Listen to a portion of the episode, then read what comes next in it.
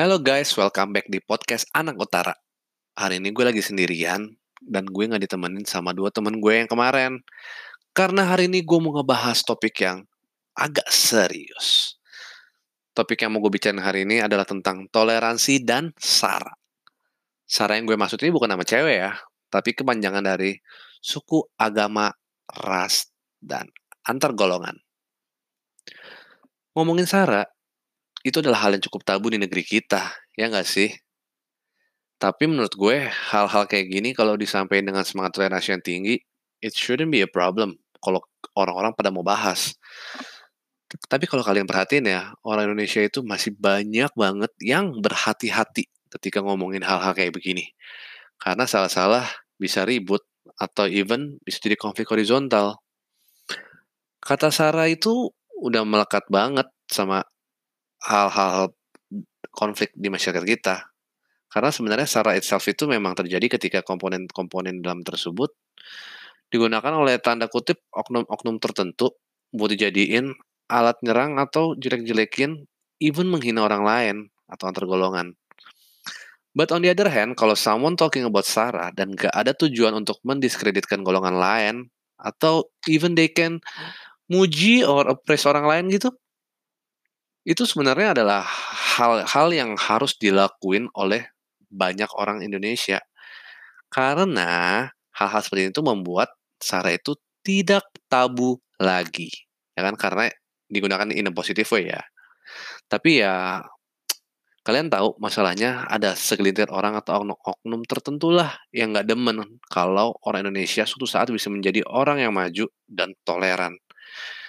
Ada aja kerjaannya, nggak tahu deh niatnya apa. Tapi kerjanya cuma manas-manasin orang. Sama bikin orang, ya begitulah.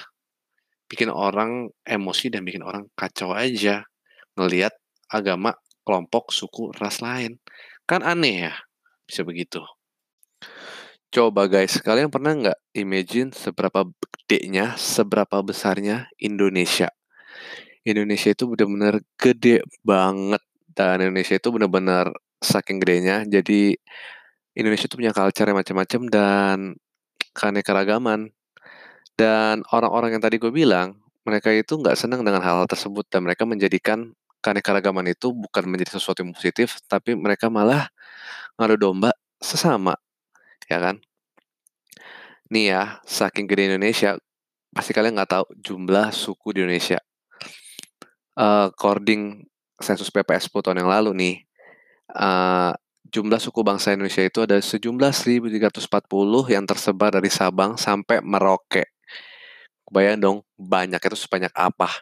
Dan yang paling gede itu ada suku Jawa dengan nilai 41 persen dan diikuti oleh suku Sunda 36,5 persen dan suku-suku lainnya kayak suku Batak, Madura, Betawi, dan lain-lain. Serta ada juga suku-suku pendatang kayak Tionghoa, Arab, India, Pakistan, Jepang, dan Korea. Benar-benar banyak banget kan guys tipe-tipe orang yang ada di Indonesia ini. While kita juga sebagai negara dengan ideologi Pancasila, kita juga diberikan kebebasan untuk beragama. Seperti sila kita yang pertama, ketuhanan yang Maha Esa, seluruh rakyat Indonesia itu berhak memeluk agama sesuai keyakinan mereka masing-masing. Ya kan?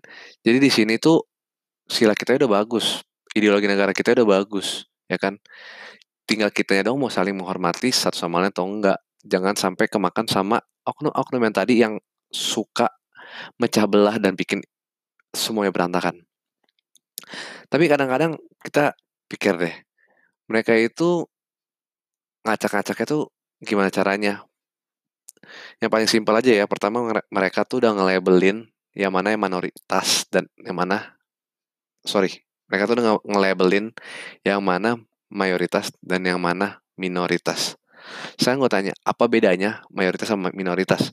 Ya kalau agama ya emang mayoritasnya kan kita tahu di Indonesia ini beragama muslim karena emang 87% di Indonesia ini beragama muslim. Tapi kalau suku bangsa kan Indonesia itu benar-benar campur banget. Yang paling gede emang Jawa sama Sunda. Tapi yang lain yang lain kayak Madura eh, Batak ya kan, Bugis, apakah itu juga suku yang besar? Itu apakah kalian anggap minoritas ataukah yang kalian anggap minoritas itu cuma suku-suku pendatang, ya kan? Tapi uh, kenapa selalu hal-hal seperti ini tuh dijadikan sebuah masalah? Kenapa uh, dikit-dikit minoritas berulah itu salah, ya kan? Padahal kita kan semua kan hidup berkerukunan. Nah, orang-orang ini nih yang emang nggak tahu mereka tuh pengennya Indonesia tuh nggak maju atau apa. Gue punya cerita. Uh, tahun 98 semua orang tahu dong apa yang terjadi sama negara kita. Ada kerusuhan. Yang sebenarnya kerusuhan itu, the whole point of unjuk rasanya itu, nggak ada hubungannya sama etnis tertentu mahasiswa itu pure mau menunjukin aspirasi mereka sebagai mahasiswa kepada pemerintah yang menurut mereka tidak uh, doesn't do well di zaman tersebut ya kan? Tapi kalian bisa tanya deh orang-orang tua kalian atau orang terdekat kalian pasti emang secara nggak langsung orang Tionghoa itu dijadiin scapegoat di saat kejadian itu ya kan? Bikin semuanya berantakan. Tapi kembali lagi ini adalah kerjaannya oknum-oknum. Gue udah story.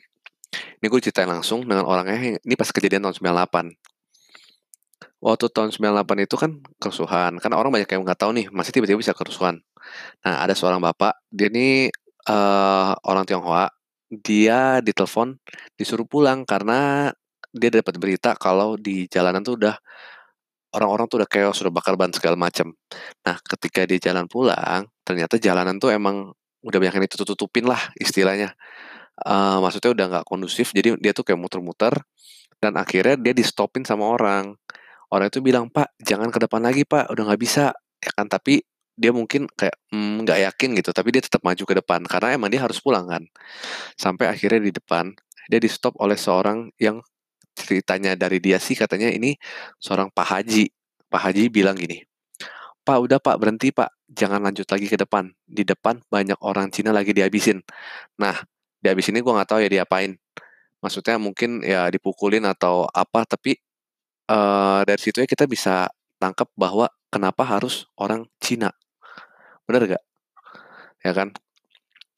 Tapi dari cerita ini pun gue juga bisa lihat bahwa nggak uh, emang itu kerjaan oknum-oknum aja. Si bapak haji ini dia tuh bilang ke si bapak itu bahwa uh, jangan pulang tunggu keadaan reda uh, ikut aja ke rumah saya. Akhirnya si bapak keturunan Tionghoa ini si bapak ini datang ikut ke rumah Pak Haji dan Pak Haji ini ngejagain sampai kondisinya agak malam. Jadi udah agak tenang. Gila ini salah satu contoh emang humanity itu sebenarnya nggak harus ngeliatin uh, suku agama ras atau antar golongan ya kan? Terus akhirnya si singkat cerita akhirnya si, uh, udah agak reda si bapak ini akhirnya bisa pulang.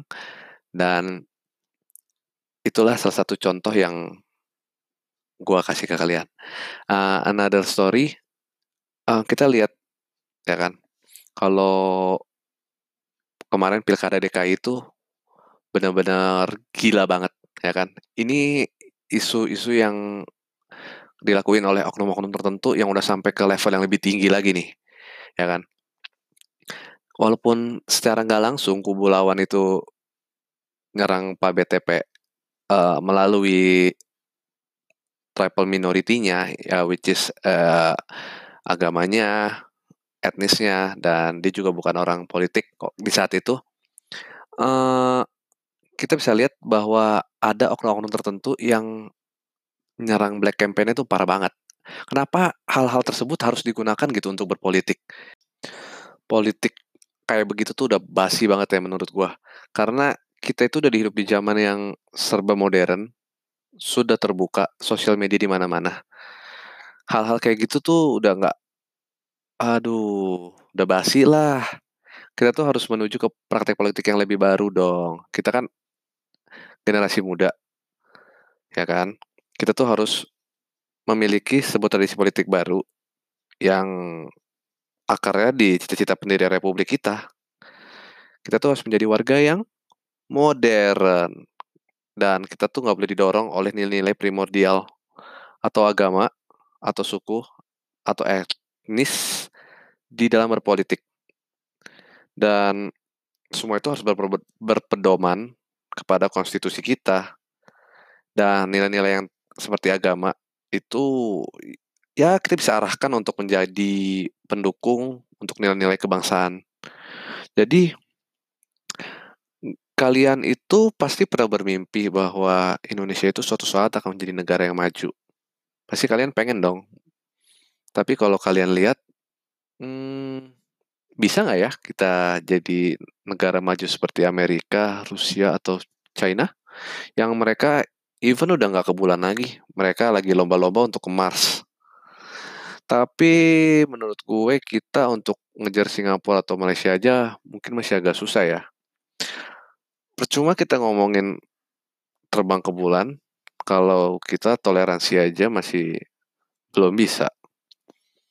Gue berharap karena kita ini adalah orang-orang baru, orang-orang modern, dan generasi mm, milenial, kita harus lebih